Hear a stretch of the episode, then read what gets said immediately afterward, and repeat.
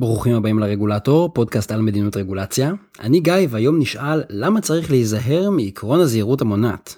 דמיינו שאנחנו שוקלים להטיל רגולציה על שני חומרים. חומר א' גורם נזק קטלני באופן מיידי.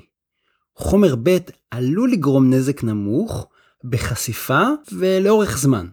אבל בגלל שזאת השפעה ארוכת טווח, לא בדיוק ברור מה הנזק. מה דעתכם, על איזה חומר יותר חשוב לפקח? נראה שחומר א', נכון? אבל למרות שחומר א' יותר מסוכן ויש יותר מידע שתומך בזה, יכול להיות שההחלטה תהיה דווקא להגביל את השימוש בחומר ב', בגלל משהו שנקרא עקרון הזהירות המונעת. זה מקרה אמיתי אגב.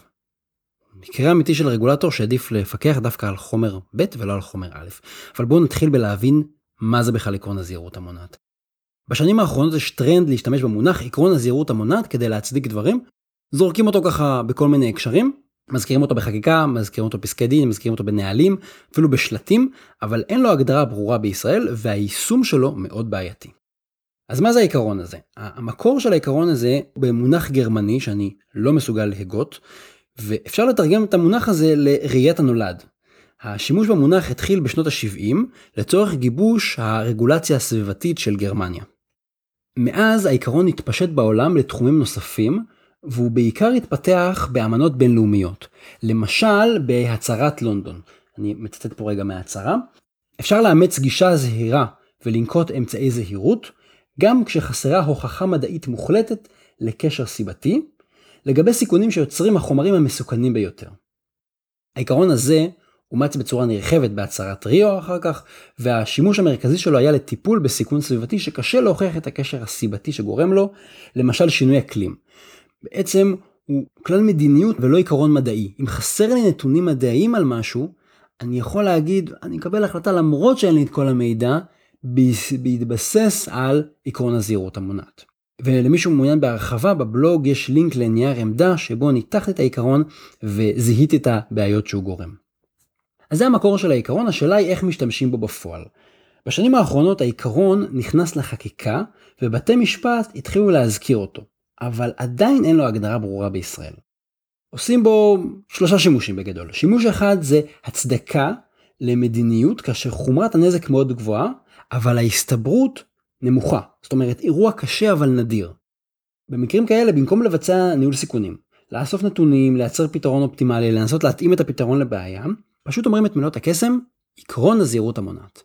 ואז מפעילים אמצעי מניע דרסטיים, למרות שמדובר בסיכון נדיר.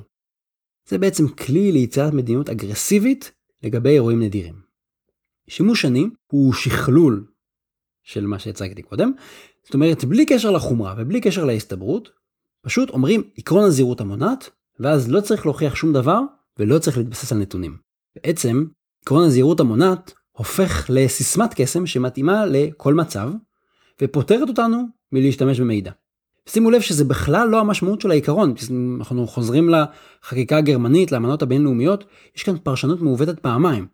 פעם אחת אנחנו אומרים שזה בסדר לקבל החלטות בלי נתונים, פעם שנייה אנחנו נותנים לגיטימציה גורפת למדיניות אגרסיבית, בדרך כלל מניעה מראש, בלי קשר לחומרה שהוזכרה במפורש באמנות הבינלאומיות.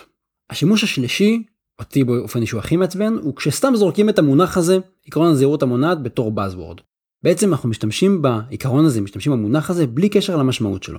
פשוט אין קשר בין המשמעות של העיקרון להקשר שבו אנחנו משתמשים בו. אבל זה לא נגמר כאן כי העיקרון הזה מייצר בעיות קשות ברגולציה שלנו והוא מזיק לנו מאוד. כמו שאתם מבינים יש לי לא מעט ביקורת על העיקרון ועל אופן השימוש בו ואני אציג עכשיו איזה כמה בעיות מרכזיות. אה, הבעיה הראשונה היא שהיעדר מידע לא יכול לשמש כשיקול בפני עצמו. מקבלי ההחלטות כמעט תמיד נדרשים לקבל החלטות בתנאים של אי ודאות. אבל היעדר מידע או אי ודאות הם תנאי רקע די נורמליים. והם לא יכולים להוות הצדקה לאמץ מדיניות מניעתית. ממש כמו שהיעדר מידע לא יכול לשמש בסיס להחלטה שלא לאמץ מדיניות. זה שחסר לי מידע זה נתון. זה מצב בסיס, עם זה אני צריך לעבוד, אני לא יכול להגיד אה חסר לי מידע, אז אני הולך למדיניות מאוד מאוד אגרסיבית. השימוש בעיקרון גורם לזה שמקבל החלטות יעדיף להתערב דווקא כשקיימת אי ודאות לגבי הבעיה, ופחות ייתה להתערב כשיש מידע ונתונים.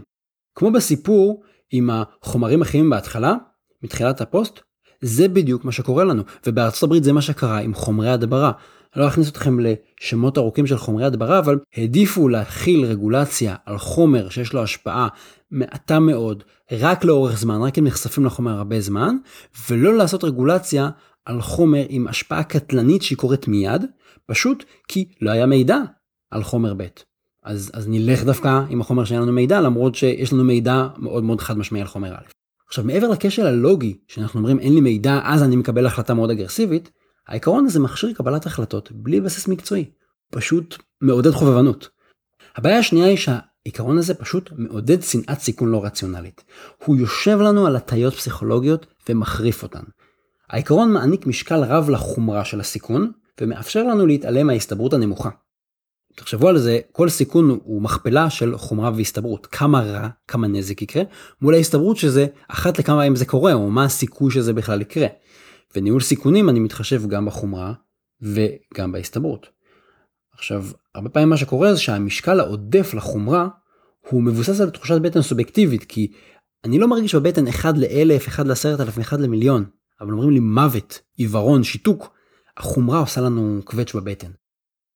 אז מה שקורה זה שהעיקרון הזה הוא מאוד מאוד ממוקד בחומרה, והוא בעצם מחזק תחושות בטן סובייקטיביות בפחדים, והוא מרחיק אותנו מלהסתמך על נתונים אמפיריים ועל סטטיסטיקה. העיקרון מעודד שתי הטיות התנהגותיות, לא אחת. אחת מעודד הטיה שנקראת הטיית הזמינות, availability bias. כשקל לנו לדמיין סיכון, הוא תאפס לנו כיותר מאיים, בלי קשר להסתברות שלו, רק כמה הוא מוחשי לנו, כמה קל לנו לדמיין אותו. הוא גם מפעיל הטיה שנקראת הטיית הבולטות, salience bias. אירועים יוצאי דופן, או אירועים אה, אה, נדירים, שהתוצאות שלהם חמורות, מקבלים משקל יותר רב, דווקא בגלל שהם נדירים. כי אם כל הזמן קורה משהו אני מתרגל אליו ונהיה אדיש. קורה משהו פעם ב, אני פתאום נותן לו הרבה משקל.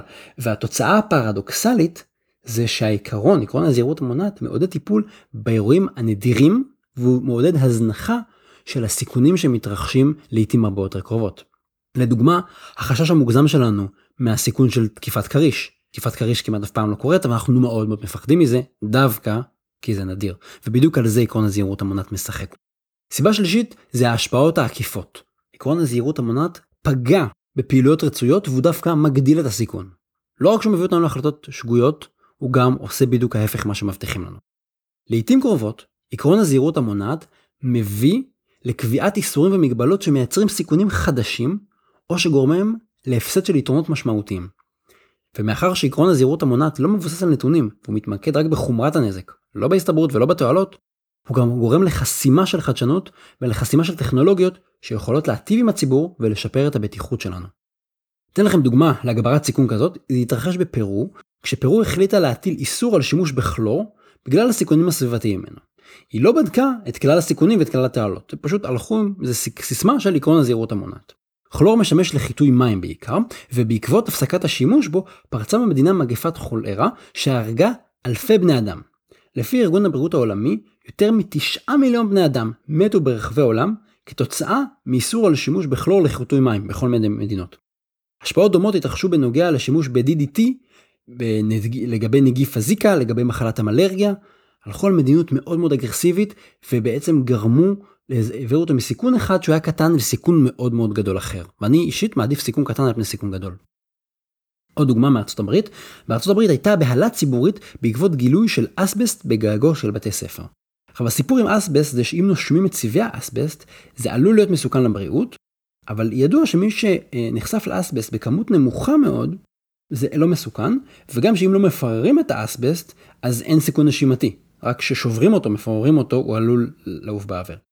אבל זה לא כל כך עניין אף אחד, כי מה שהיה מאוד מאוד חזק היה לעשות פעילות מונעת, עקרון הזהירות המונעת כל הזמן, והבהלה הציבורית הובילה לדרישה בלתי מתפשרת לפנות את כל האסבסט בקיץ מהגגות של בתי הספר.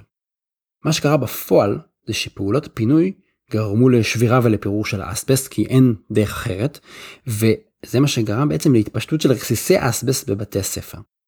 אז ההסרה של האסבסט הגדילה, אפשר להגיד אפילו יצרה, סיכון ישיר לנשימת הסיבים, והגדיל הסיכון בהרבה בהשוואה למצב בלי הנקיטה של הפעולה המונעת.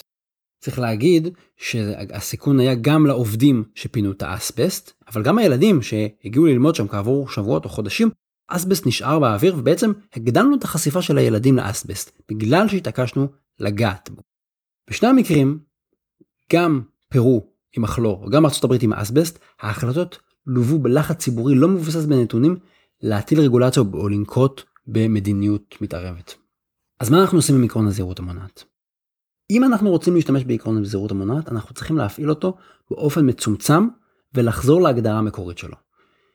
כשאין הוכחה מדעית מוחלטת לקשר סיבתי, והסיכונים מאוד מאוד גבוהים, אנחנו יכולים לקבל ממנו איזושהי הנחה קטנה. אבל לא נכון להפעיל אותו כל פעם שאנחנו רוצים לדחוף מדיניות מונעת ואין לנו נתונים שתומכים בזה. כי אם אין לי נתונים שתומכים בזה אז או שזה לא נכון או שאני צריך לחזור ולעשות שיעורי בית. אבל העיקרון הזה הוא מייצר הרגלים רעים ובמיוחד הפרשנות הישראלית שלו. הוא מרגיל מקבלי החלטות וכל מיני גורמים כמו עמותות שמקדמות מדיניות, הוא מרגיל אותנו שלא צריך נתונים, שלא צריך להסתחשב בהסתברות ולא צריך לעשות ניתוח עלות תועלת של התוצאות בפועל. וזה מאוד מאוד לא בריא להתרגל לקבוע מדיניות באמצעות הפחדות וסיסמאות. הכלל צריך להיות קבלת החלטות שמבוססות על ניהול סיכונים ובחינת ההשפעה של המדיניות באמצעות נתונים. ועקרון הזהירות המונעת צריך להיות החריג של החריג בהקשר הזה. עד כאן להפעם, אתם מוזמנים להמשיך לשלוח אליי שאלות למסנג'ר של עמוד הפייסבוק, אני אשתדל לענות עליהן. תודה שהאזנתם לעוד פרק של הרגולטור. כדאי לכם לעשות מנוי באפליקציות השונות כמו אייטיונס, ככה לא תפספסו פרקים. אתם מוזמנים לעקוב אחריי גם בבלוג וגם בפייסבוק, בבלוג יש לינקים למקורות השונים ולמקרים שהזכרתי במהלך הפרק. תודה לרן שיר על עריכת הסאונד, התכנים משקפים את דעותיי בלבד.